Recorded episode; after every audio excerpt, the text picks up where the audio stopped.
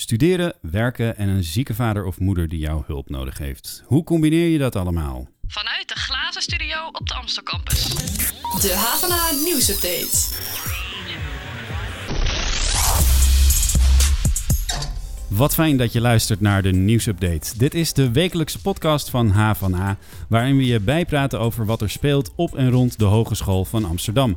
Mijn naam is Daniel Rommens en naast mij aan tafel zit Helene Gorres. Hoi Helene. Hoi hoi. Hoe combineer je een studie, werk en het zorgen voor je zieke vader of moeder? Die vraag die geldt voor 1 op de 10 Amsterdamse studenten. Dat schreef HVA-onderzoeker Lotte Stolk op onze website. Uh, Lotte, wat is het grootste probleem waar deze studenten tegenaan lopen? Um, ik denk dat het grootste probleem wat deze studenten tegenkomen is heel veel onbegrip. Heel veel mensen begrijpen niet uh, hoe het eigenlijk thuis kan zitten. Ja, en uh, heb je het dan over medestudenten of over uh, mensen die hen moet, zouden moeten helpen? Ik ben bang allebei wel. Ja. Oké. Okay. Nou, daarover praten we straks met jou verder. Maar eerst vertelt Helene je alles over het nieuws van deze week op de HVA.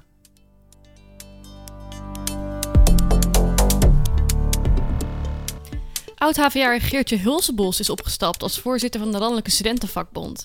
En dat terwijl ze amper drie maanden aan het roer stond. Naar eigen zeggen is ze weggegaan omdat er binnen het bestuur een conflict was over het activistische gehalte van de vakbond. Uh, de oud-voorzitter zegt dat zij meer actie wilde voeren, terwijl de andere vier bestuursleden liever invloed uitoefenen via overleggen en via vergaderen. Uh, en ook zegt ze dat haar tele telefoon en haar e-mail al enige tijd waren geblokkeerd. Vicevoorzitter Caroline van Breugel, ook een oud HVA'er, is nu gekozen als interim-voorzitter en zij neemt de taken van Geertje over. Over de ruzie binnen het bestuur zegt zij het volgende. Ik vind het niet heel professioneel om mijn bestuursgenoot in, of mijn oude bestuursgenoot mag ik nu zeggen, in de pers uh, af te gaan vallen. Okay. En het is jammer dat dat andersom wel gebeurd is, maar het is toch een stukje professionaliteit, denk ik. Nou, en tijdens de ledenvergadering die in oktober plaatsvindt, zal duidelijk worden hoe het verder gaat met het bestuur. En ben je nou benieuwd naar het volledige verhaal? Bekijk dan uh, de artikelen op onze website havana.nl. Ja, daar staat ook het artikel uh, waarin Geertje Hulsebos haar verhaal doet, hè? Ja, klopt.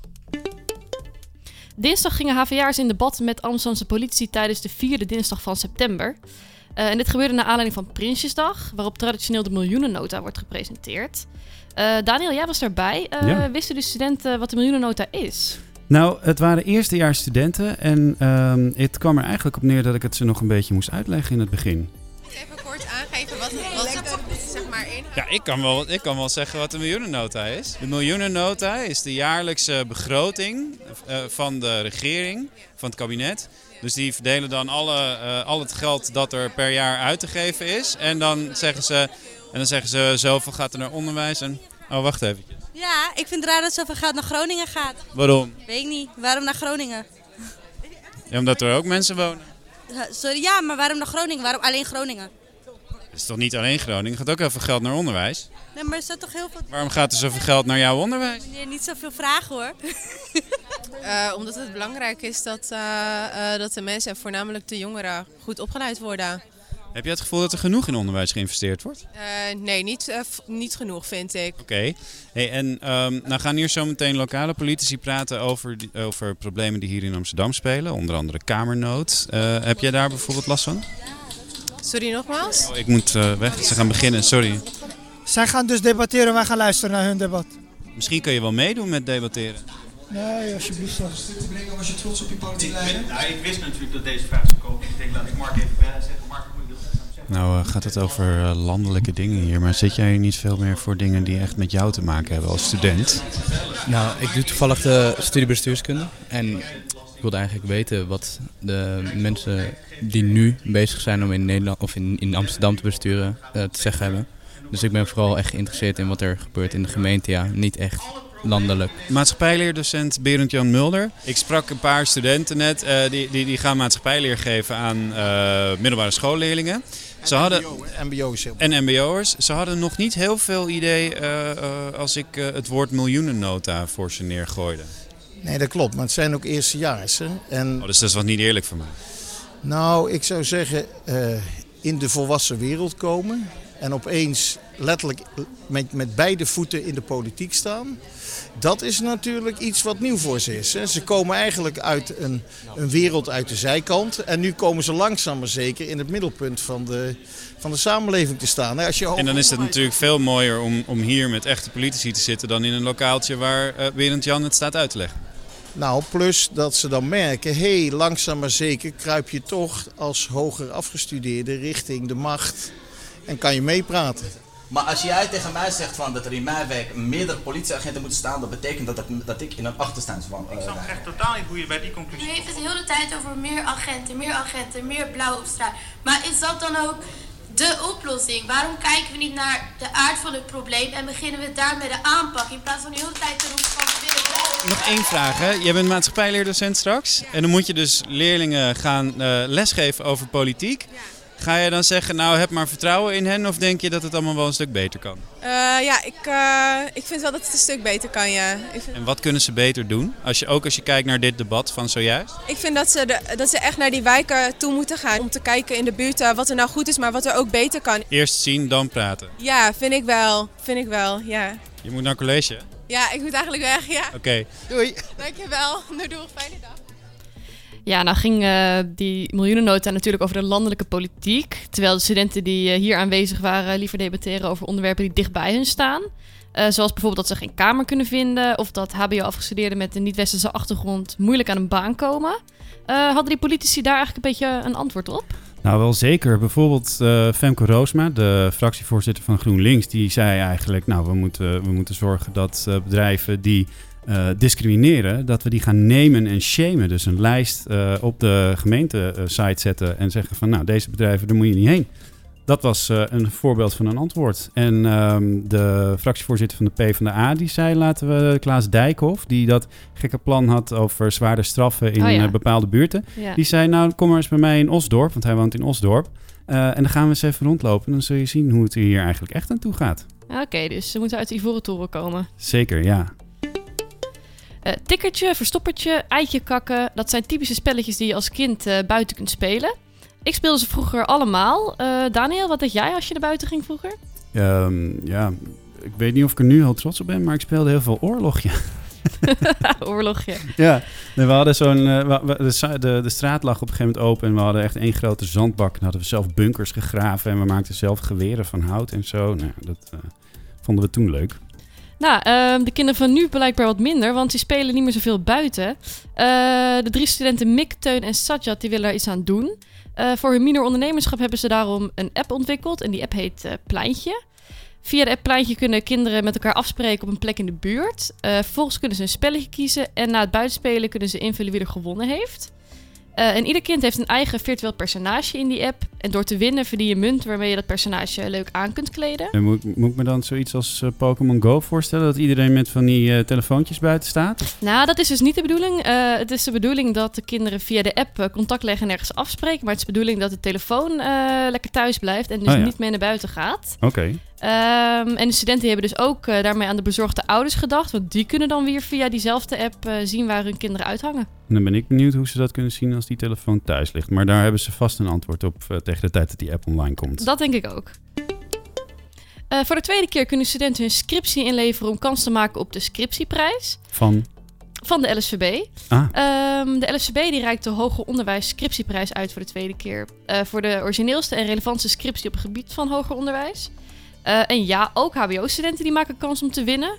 Eh, maar hoe vergelijk je dan een HBO-scriptie met een WO-scriptie? Dat vroegen wij aan Carline van Breugel van de LSVB. Of iets nou praktijkgericht is of dat het heel eh, abstract is, hoeft in principe natuurlijk niet uit te maken voor de kwaliteit van de scriptie.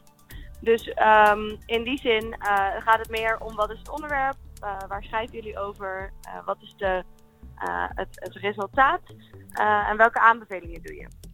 Nou, de prijs die je kunt winnen is een tablet en eeuwige roem. En de vorige winnaar is zelfs uitgenodigd door de minister van Onderwijs. Wauw. We moeten er even bij vermelden trouwens dat het in samenwerking is met Science Guide. Dat is het hoger onderwijsmedium. Oh ja. Eh, ken je dat betonnen gebouwtje aan het begin van de Wieboudstraat? Lotte, Ja. wat denk jij dat het is? Ehm, een elektriciteitshuisje. Mm, bijna, bijna, bijna. Nou, wij wilden ook al heel lang weten wat er eh, nou binnen in dat huisje zit. Eh, en Mark van Beckham, dat is de projectleider nieuwbouw van de HVA, die gaf ons eh, een laatste rondleiding. Want het oude rioolgemaal, dat is het namelijk, eh, moet plaatsmaken voor de bouw van het Conradhuis. Eh, en een klein detail, de rondleiding die we kregen was in het pikkendonker. Maar dat zie je gelukkig niet, want dit is radio.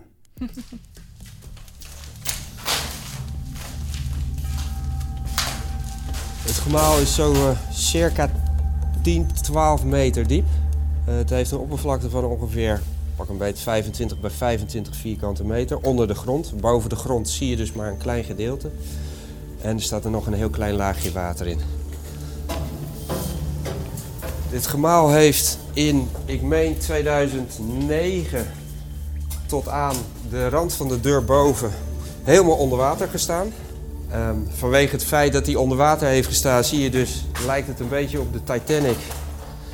Ehm, alles is verroest en lijkt wel achtergelaten. Alsof eh, er een grote ramp heeft plaatsgevonden. En dan gaan we nu weer één trap lager. We komen uit op het bordes met mooi uitzicht over de hele pompkamer.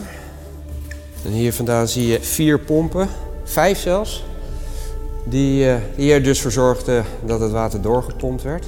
Deze grote dikke buis die je, die je ziet lopen hier, die loopt hier het gemaal uit om uiteindelijk dus eh, afgevoerd te worden naar ergens buiten Amsterdam in der tijd.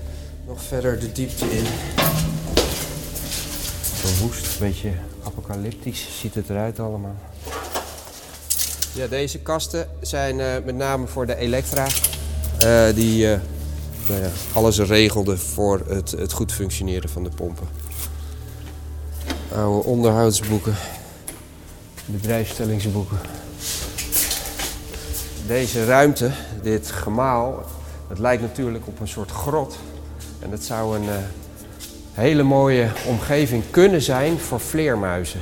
Betekent wel dat we het gemaal dicht moeten houden, zodat er niet vleermuizen eh, kunnen, zich hier kunnen gaan huisvesten. Eh, de bedoeling is met de realisatie van het Conradhuis dat het gemaal tot op min 1 niveau gesloopt wordt. En eh, er is voor gekozen om het gebouw deels te laten staan, zodat de grond het rustigst blijft.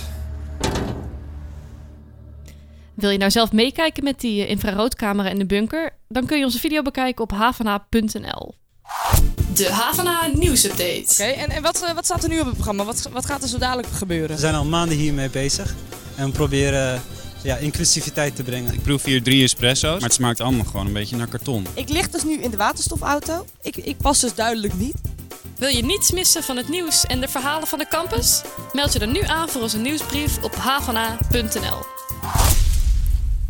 1 op de 10 Amsterdamse studenten verleent mantelzorg aan een familielid. Dat schreef junior onderzoeker en docent-begeleider Lotte Stolk op onze website.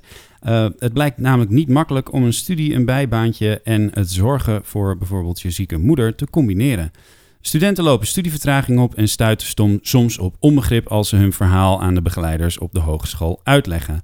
Uh, Lotte, kun je in het kort aan ons vertellen wat er nu voor deze studenten geregeld is op de hogeschool? Um, in principe is er niet heel veel geregeld. Er bestaat nog niet echt duidelijk beleid voor deze doelgroep studenten. Je kan wel bijvoorbeeld, als je studievertraging oploopt, zou je financiële compensatie kunnen aanvragen in middel van, door middel van het uh, profileringsfonds. Dat is het uh, eigenlijk. Ja, uh, jij bent nu docent en onderzoeker, ehm, maar je was ooit student. Ja, klopt. En volgens mij heb je zelf ook ervaring met het verzorgen van een familielid. Jazeker. Um, ik studeerde in Leiden, maatschappelijk werk en dienstverlening. Ik zat daar in mijn tweede jaar. Ongeveer op de helft waren we. En toen uh, werd mijn moeder ziek. Die kreeg een zware hersenbloeding. Uh, nou, die heeft nu nog steeds zorg nodig. Maar vooral de eerste anderhalf jaar, twee jaar... had ze heel veel zorg van het gezin nodig. Ja, en uh, daarvan kwam dus ook een deel bij jou terecht... terwijl je aan het studeren was. Um, kun je heel kort uitleggen hoe je, hoe je dag eruit zag? Um, ja, vooral in het begin um, ging ik naar colleges. Uh, maar toen mijn moeder nog in het ziekenhuis lag, um, ging ik eigenlijk na het college gelijk door naar het ziekenhuis. ja, geen één dag is eigenlijk hetzelfde. Zeker toen mijn moeder thuis woonde. En mijn vader moest heel vaak weg voor werk. Dus logeerden we één voor één bij mijn moeder thuis. Omdat geen een van de kinderen meer thuis woonde. Ehm, daar waren we vorig mee bezig. Maar hetgene wat het meest aan gaat knagen... is eigenlijk die kopzorgen en gewoon dat zorgen maken de hele tijd. Ja. Ik heb heel lang gehad, eigenlijk nu nog steeds... als mijn moeder of mijn vader belt, dan slaapt mijn hart gewoon over.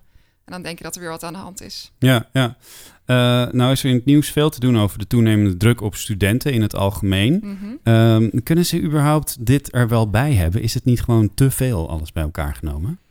Ehm, ik, ik denk dat het voor een deel wel gewoon te doen is. Ehm, maar voor een deel ook niet. Het is natuurlijk heel veel, maar omdat juist die zorg voor je familie dat zo belangrijk is en altijd op nummer één staat, lukt het heel veel studenten om het wel gewoon te combineren en het gewoon te plannen. En dan werk je maar wat harder of dan ga je maar wat later naar bed. Maar het is uiteindelijk wel te doen. Ja, ja.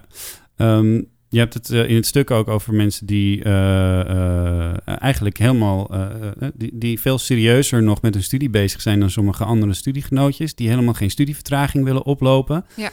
Maar eigenlijk zijn de maatregelen die er nu zijn, de voorzieningen die er nu zijn voor hen, zijn een beetje daarop gericht, heb ik het gevoel. Klopt dat? Um, ik heb het idee zelf ook inderdaad. Je hoort inderdaad van studiebegeleiders die zeggen van ja, nou je doet het toch even een jaartje langer over je studie. Of dan schrijf je eventjes een jaartje uit. Maar heel veel studenten die willen dat helemaal niet. Die vinden het juist ook fijn om naar school te kunnen gaan, zodat ze die afleiding hebben. Zodat ze niet steeds thuis hoeven te zitten, want dan zit Ja. je toch maar in die situatie.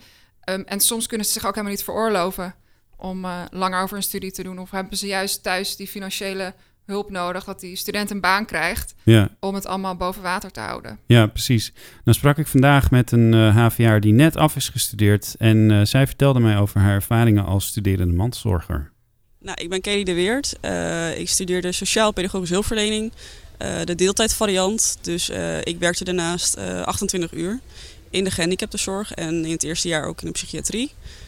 Daar ben, ben ik mee toen de tijd gestopt en in het tweede jaar ben ik in de gehandicaptenzorg gaan werken.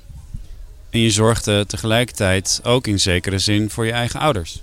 Ja, dat klopt. Ehm, destijds was mijn moeder depressief en eh, woonde ik nog thuis bij mijn moeder. Ehm, en mijn vader heeft altijd eh, moeite gehad met alcohol en eh, nou ja, verslavingsproblematiek. En nou ja, toen er tijd ook tijdens mijn opleiding is dat nou ja, heftig geworden. En heb ik zowel als voor mijn moeder in een zekere zin, maar ook voor, zeker voor mijn vader, een bepaalde hulpverleningsrol moeten aannemen. Hoe, hoe zie ik dat voor me? Heb je de was gedaan voor je ouders of, of wat deed je precies? Ehm, nou, dat was niet. Zover ging ik ook weer niet. Ik had wel eh, natuurlijk al heel veel te doen, dus de huishoudelijke taken, dat, eh, dat lukte niet. Ja, meer als hulpverlener, dus meer als praatpaal. Voor mijn vader destijds ook wel echt als, eh, nou ja, met boodschappen samen doen. Als dat niet lukte, ook wel eens, nou ja, dan wel eens de boodschap ook voorgeschoten als het niet lukte, als hij geen geld had. Ja, meer in het, in het ja, emotionele contact, zeg maar. Ik kan me voorstellen eh, dat je een deel van de emoties die horen bij dat soort problemen en ook de zorgen van hen een beetje overneemt. Eh, ja, zeker. En eh, die nam ik zeker over. En ik maakte me heel erg zorgen over mijn ouders. En mijn emoties en mijn gevoelens, die, die waren er eigenlijk niet. Die mochten er ook niet zijn. En dat heeft. Van, van hen niet of van jezelf niet? Nou, van mijzelf niet. Dat, hun, hun problemen lagen erg op de voorgrond. Of, ze- of ze dat nou, dat hebben ze nooit denk ik bewust gedaan natuurlijk. Dat, dat doen ze ook alleen maar omdat ze in een bepaalde situatie zitten die ze niet willen. Dus eigenlijk, ja, dat klinkt heel hard, maar ik deed er even niet toe.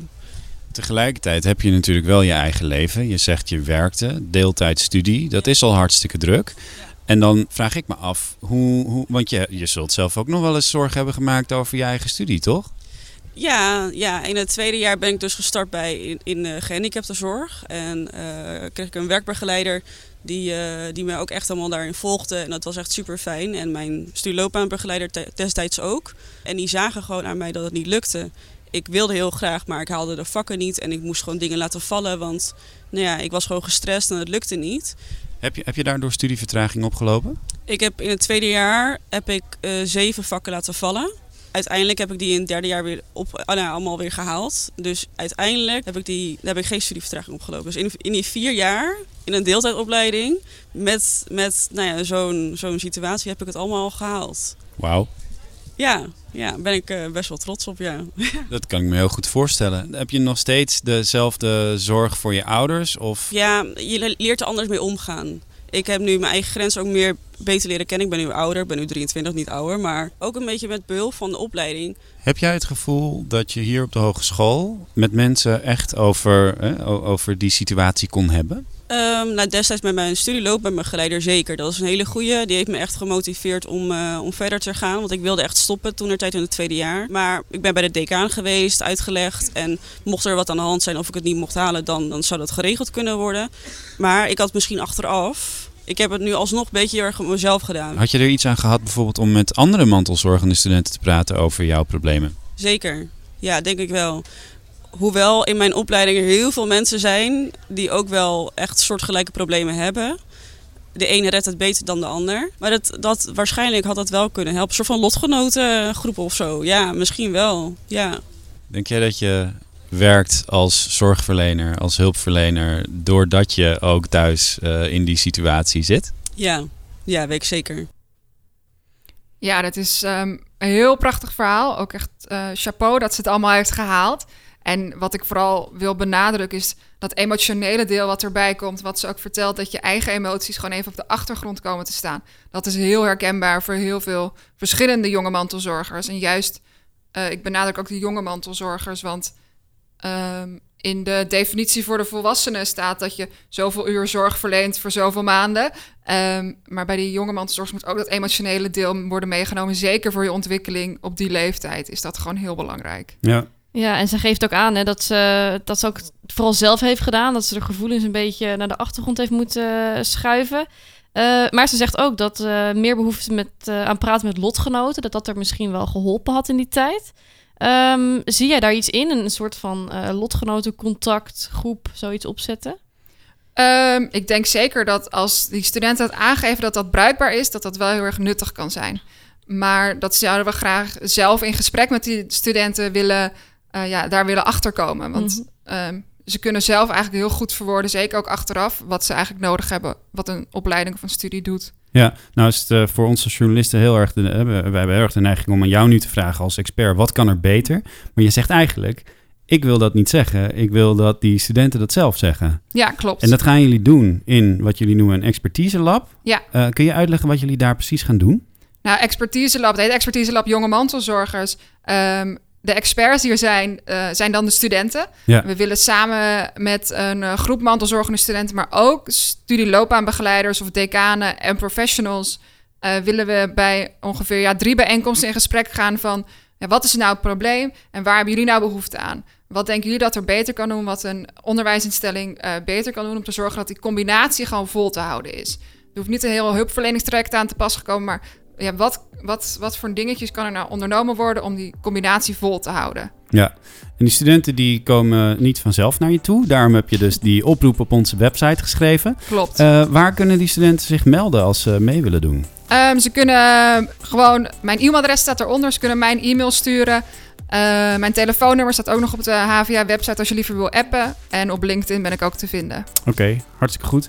Als je dus mee wilt praten over dit onderwerp met Lotte, dan kun je je melden bij haar. En wij zetten haar e-mailadres voor het gemak ook nog even onder de, de, de, de player van deze podcast op onze website. Uh, dankjewel voor dit gesprek, Lotte. Ja, dank jullie wel. Dankjewel. Uh, dit was onze podcast voor deze week, maar niet voordat we je dit even hebben laten horen.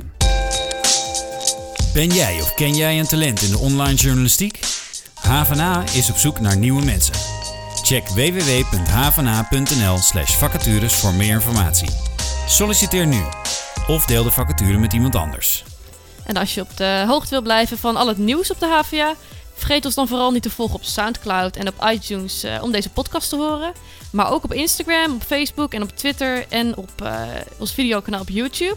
Yes, en schrijf je in op onze nieuwsbrief, want die krijg je ook elke vrijdagochtend in je mailbox tegelijkertijd met deze podcast. Bedankt voor het luisteren en tot volgende week.